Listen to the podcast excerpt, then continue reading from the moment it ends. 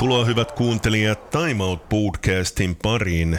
Tässä podcastissa käymme läpi ajankohtaisia urheiluasioita ja studiossa ovat Radio Vaasan Anssi Marttinen ja Vaasabladetin Juuna Nyström. Juuna, tervetuloa.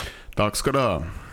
Lähdetään liikkeelle Veikkausliigasta VPSlle jälleen kerran voitto ja itse olit paikan päällä tuolla Lahdessa. Ja, jag tänkte att det är ju ganska sällan det kommer emot sådana här matcher där det faktiskt kan bli lite historiskt, eller ganska mycket historiskt till och med, att, att åttonde raka segern fanns på gaffel nu då har BPS aldrig lyckats med förr på högsta serienivå i Finland och, och klubben fyller ju 100 år nästa år, så det är en ganska stor grej vad är. Och, och visst blev det åttonde raka fast det nu inte var lagets bästa match i år inte. Joo, ensimmäinen puoliaika oli aika vaisu, mutta sitten toisella puoliajalla alkoi jälleen VPSn peli rullata hienosti ja upea voitto. Ja, riktigt i första halvlek så var det som att spelet skulle varit helt i baklås. Att det var det dålig rörelse på offensiv planhalva och inläggen for lite hit och dit och, och sådana. Men sen då de fick igång maskineriet började tugga på i andra halvlek så var det ganska klart fall att där du sitter och, eller satt och funderar på vägen hem att, att hade Lahti ens några målchanser så det var väl som en sån där halvfarlig chans hade de på hela matchen. Så nu var ju som sist och slutligen klart fall nu. Jevgeni Pashkirov, joka on toki aikaisemminkin esittänyt hienoja otteita, niin upea maali ja sitten vielä hieno läpisyöttö tuohon 0-2 osumaan. Ja, kanske särskilt den där passningen som man kommer till minns att det är en, en situation på mitten där spelet svänger. Det ska egentligen inte leda någonstans. Han har lite ryggen mot målet och bollen studsar men han ser i ögonvrån att det finns yta där och slår bollen direkt snabbt över linjen och så är Peter Michael då ligans hetaste målskytt så loss och då, då är det mål som hans form ser ut nu för tiden. Vaasan palloseuralla on kaksi ottelua jäljellä. Kotka on kotona ja sitten viimeinen ottelu on IFK Mariehamnia vastaan. Ja Interillä taas on kolme ottelua jäljellä. Interiin on viisi pistettä nyt rako ja Inter tulee olemaan nyt varmasti se sitten, jonka kanssa taistellaan tuosta ylemmän loppusarjan paikasta. Oliko se niin, että Inter kohtaa kaksi kertaa Lahden vielä? Det kan hända att det var så. Och, och där finns ju förstås Honka också bakom att på sitt sätt så har ju VPS allting i egna händer eftersom de är en poäng före Honka och, och med den här formen så tycker jag har svårt att se att de skulle tappa poäng mot vare sig KTP eller IFK Mariehamn så att det finns ju till och med Mopolla moottoritiellä, men det finns ju till och med orsak till fundera på att kan det till och med bli medaljstrid ännu i år. Om man tittar uppåt i tabellen så börjar avståndet vara ganska kort dit till tredjeplatsen. Joo, SJK on vaan viisi pistettä edellä ja SJKlla ei nyt peli kulje lainkaan. Tappioita on tullut peräkkäin ja nyt kupsiakin vastaan selkeä 3-0 tappio. Ja, och en del orsak verkar vara nog det här att de hade ju den här lånemålvakten från Arsenals akademi, Ejeheri, Uh, som gjorde jättebra i början av säsongen. Sen när de lyckats ersätta han då hans lånekon, liksom lånetid tog slut. Så de hade först en målvakt från Lettland, han dög inte till så nu tog de en, en från Nicaragua istället och vi får nu se om det lossnar något mer. Men det är lite sådär fritt fall där och efter den senaste förlusten de hade hemma mot KTP nu så var det väl lite heta känslor där och lite debatt mellan supporter och tränare till och med. Oho, oho. Taistelu sarjapaikastakin käy erittäin kuumana. Ja kun katsoo tätä taulukkoa, niin kahdeksantena on Ilves 20 pistettä, Hakalla 20 pistettä, KTPllä 20 pistettä, Lahdella 19 pistettä ja IFK Marjahamnilla 15 pistettä. Eli tällä hetkellä Marjahamn on kyllä aika pahassa raossa. Ja, verkligen. Och tufft för de de spelar väl här i var det lördags eller fred, i fredags var jag spelade ju mot Honka förlora 1-0. Det är tajt resultatmässigt och, och verkat att gå trögt där och på sitt sätt lite lustigt att de ändå är final i, i Finlands, eller semifinal ska jag säga, i Finlands cup då fast det går tröska på så där i ligan. Men jätteintressant. Någon kommer också till måste andra kvalplatsen och Och om man tittar ner på division 1 hur det ser ut i toppen där så är det ju flera starka lag som gör upp om vem som slutar första och andra så att det kan bli ett ganska tufft kval också. Joo, ykköseskin on eh, tiukka tilanne. Siellä Knistan johtaa 42 pistettä, MPllä 41 pistettä ja Eikkinen CF 39 pistettä. SIK Akatemia ei tarvi laskea tuohon taisteluun, koska eikö se niin ole, että he eivät voi nousta edes liikaa? Ja, så just det och, och där är det väldigt intressant att det är väl Ekenäs IF nu som är det mest formstarka laget i racet där. Och de har väl fått in lite förstärkning nu också och ser väldigt starka ut inför hösten och den här övre serien som snart ska börja där också. Joo, mielenkiintoista, kun tässä on paikkakuntia kuten Mikkeli ja Tammisaari, että riittääkö niissä sitten potentiaalia pelata veikkausliikaa. No, Maariahaminaskin pelata. Ja, men nu är det ändå liksom ett stort frågetecken att, att resursmässigt små klubbar. Sen är det förstås vad man har för faciliteter. Att i Ekenäs så är det ju inte riktigt liganivå på, på stadion och så vidare. Att, att eh, om man nu ska välja ut ett lag av de tre som har klart bäst potential så är det ju Gnistan som finns i huvudstadsregionen. De har nytt, nyligen lagt nytt konstgräs och tror jag på på stadion där och, och, och det finns möjligheter säkert till samla ihop ännu större resurser om det behövs, om man stiger till ligan. Att, det skulle vara lite charmigt med en sån där nästan kvartersklubb skulle kliva upp i ligan. Och sen kan man ju fundera på det också att Helsingfors IFK då som har haft en svår säsong i ettan och därifrån ännu en gång nu hörs att de skulle måste få in extra pengar för att ens klara ligalicensen, till, eller serielicensen till nästa säsong. Så är det Gnistan som tar över det här HIFKs position som den här andra klubben då i Helsingforsområdet. Sitten mennään naisten jalkapallon MM-kisoihin. Mestari on Espanja. Ja sä oot varmaan siinä mielessä tyytyväinen, että kun sun suosikki kuin Japani pöllytti Espanjaa oikein kunnolla tuossa alkusarjassa. Ja, jag höll ju Japan som favoriter efter det, men så det normalt så i internationella sammanhang så brukar jag alltid hålla på Spanien. Så jag var ju överlycklig då herrarna vann 2010 och, och de fick vara nöjd i, i söndags och sen också så var ju en helt välförtjänt seger i den här finalen. Jag tycker mm. att Spanien var mycket, mycket bättre spelmässigt och England skapade just ingenting på hela matchen så att det gick nog till rätt ställe. Joo, kyllä mä oon ihan samaa mieltä, että Espanja oli selkeästi parempi tuossa loppuottelussa ja voitto on siinäkin mielessä mielenkiintoinen, että Espanjaltahan kieltäytyi lähes tusinan verran pelaajia lähtemästä. Mä en nyt tiedä ihan niin kuin minkä tason pelaajia, mutta ilmeisesti ihan maailman parhaitakin pelaajia joukossa. Ja, jag har inte läst in mig på, på den här kontroversen som har varit kring det här laget och, och jag tydligen stormat kring tränaren och, och allt vad jag har varit efterspel då, då förbundsbasen hamnade, hamnade, hamnade i klister för hur han betedde sig på prisceremonin och allt möjligt där kring att, att på ett vis är kanske ännu mer imponerande det laget samlar ihop sig och man tänker de åkt på ordentligt med däng mot Japan också i, i, i gruppspelsfasen men ändå sen är så det överlägsen spelmässigt i en final, i en tuff final trots allt mot England. Joo, siellä oli Espanjan eh, liiton puheenjohtaja ilmeisesti suudellut suoraan suulle joitakin pelaajia. Tuli mieleen vanhat Brezhnev Honecker-ajat. ja, nej, no, det var, var andra tider och andra sammanhang. Att nu för tiden så finns det andra, andra sorters förväntningar och krav på hur du ska bete dig då du har en slips på sig och en viktig människa. Så att där får du nog ta lite bakläxa får mm. vi väl konstatera. Time Out Podcast käynnissä. Studiossa ovat Radio Vaasan Anssi Marttinen ja Vaasabladetin Juuna Nyström. Ja sitten puhutaan yleisurheilun maailmanmestaruuskisoista.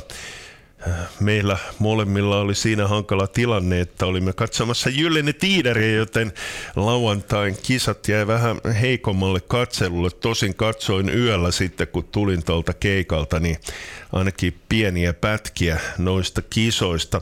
Suomalaisittain on alkanut aika odotetusti, eli jolta odotettiin jotain on menestynyt ja valitettavasti aika paljon siellä on myöskin näitä niin sanottuja kisaturisteja. Ja, no, ser väl ut ungefär som vanligt, precis som du säger. Att eh, Nathalie Blomqvist där, bra tid igen. Hon, hon plockar hela tiden bort lite, lite och putsar, putsar sina tider. Och Camilla Rickardsson gjorde ett bra försök där och jag tycker det är fräscht att man går upp och, och till och med drar i ett sånt sammanhang i, i ett VM. Sen så tycker jag ju att med någon som ska lyftas fram så är det absolut Vilma Murto. Att jag, kvalet går i stav, inga problem på något vis fast det var lång väntan där. Och, och så denna. Jag tycker att hon verkar som i intervjun efteråt och så ett otroligt fokus, en otrolig närvaro. Att, jag tror vi kan förvänta oss ganska stora saker då det är dags för finalen där och det var väl onsdag kväll här skulle jag mm, säga. Mm, kyllä, kyllä, keskiviikkona. Joo, kyllä Vilma Murto hänen käytöksessä on jotain niin sellaista varmuutta, että se sieltä säteilee. Mun täytyy nostaa myöskin Aku Partanen kuudes sija, ja mun täytyy ihan rehellisesti sanoa, että mun odotukset oli aika nollassa. Aku Partanen on aina lähtenyt suurin odotuksiin. Juu, pistesijaa, jopa mitallia haetaan, ja sitten hän on joko keskeyttänyt tai ollut siellä 20 ja niin edelleen, niin aika loistava suoritus sitten kuitenkin toi kuudes sija. Gong hör ju inte mina expertisområden, men han har ju hållit på länge och, och satsat på det här, så att det måste ju kännas otroligt bra. Och trots allt det inte bred medalj, men att i ett VM ta en sån där placering är ju ändå trots allt väldigt, väldigt hård konkurrens, så nu, nu ska man ju absolut räkna det som en merit. Joo, Saaga Vannista olin nostamassa jopa mitalitaisteluun, mutta nyt kun sitten näki näitä tuloksia, niin vaikka hän olisi otellut Suomen ennätyksen, niin hän olisi noussut tasan yhden sijan, eli olisi ollut kahdeksantena, mutta erittäin, erittäin lupaava nuori seitsemän ottelija, nyt yhdeksäs, joten odotettavissa ehkä tulevina vuosina mitalleja. Ja, vi får se till exempel, vi har ju snart ett sommar-OS för dörren, att hur mycket hinner hända på ett år till exempel. Ja sitten on tietysti näitä supertähtiä, kuten Warholm ja Ingebrigtsen. Warholm, nyt lueskelin aamulla lehtiä, tätä tehdään siis tiistai-aamuna ja silloin sanottiin, että häntä ei hylättäisi. Siellähän oli semmoinen tilanne, josta mun mielestä ihan selkeästi hän... Ja, också, ja. ja hänet olisi pitänyt hylätä, mutta onko tässä nyt kyse siitä, että on liian suuri tähti, että voidaan hylätä? Ja, jag tycker att han lyft som över vänstra benet, som på utsidan ganska tydligt. Och man tänker nu att, att i fotbollen har vi VAR och alla måltekniker och sådana. Och i friidrotten och det går ju alldeles tydligt med alla möjliga kameravinklar till se att vad gjorde han riktigt.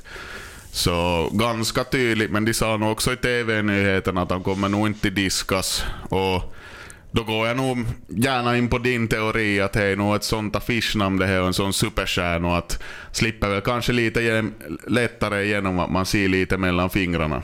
Entä sitten toi Ingebrigtsenin tuuletus kesken, kesken, oliko se nyt välieräjuoksu vai mikä alkueräjuoksu? Hän jo siinä sadan metrin kohdalla näytti katsomulle, että nyt, nyt lisää ääntä sieltä. Oliko toi nyt sitten sellainen ei kunnioitettu vastustaja? Ah, jag tycker väl inte att man ska dra, dra där. Jag menar, du tänker på de här eh, i fältgrenarna då de ska prestera så drar de också igång publiken varenda gång de går upp och ska hoppa eller kasta. Så det så vad skulle inte en löpare kunna få göra samma sak då? Att, är en sak om du springer zigzag där, eller jag börjar tänka på Petter Northuggen nu som kör baklänges över mållinjen eller vad allt han sysslar med under sin tid. Att där börjar man kanske vara närmare gränsen men nu, nu tycker jag ändå det ska vara lite show också nu. Att det ska vara helt allt för slätstruket för då är inte lika roligt. Kai me nyt voidaan vähän suomalaiset ottaa tuosta kullasta myös itselle, eli kiekkokullasta. Aivan uskomaton kisa. Stoolin viimeinen heitto, onko se 71 ja jotain 40. Hurja heitto, hurja heitto.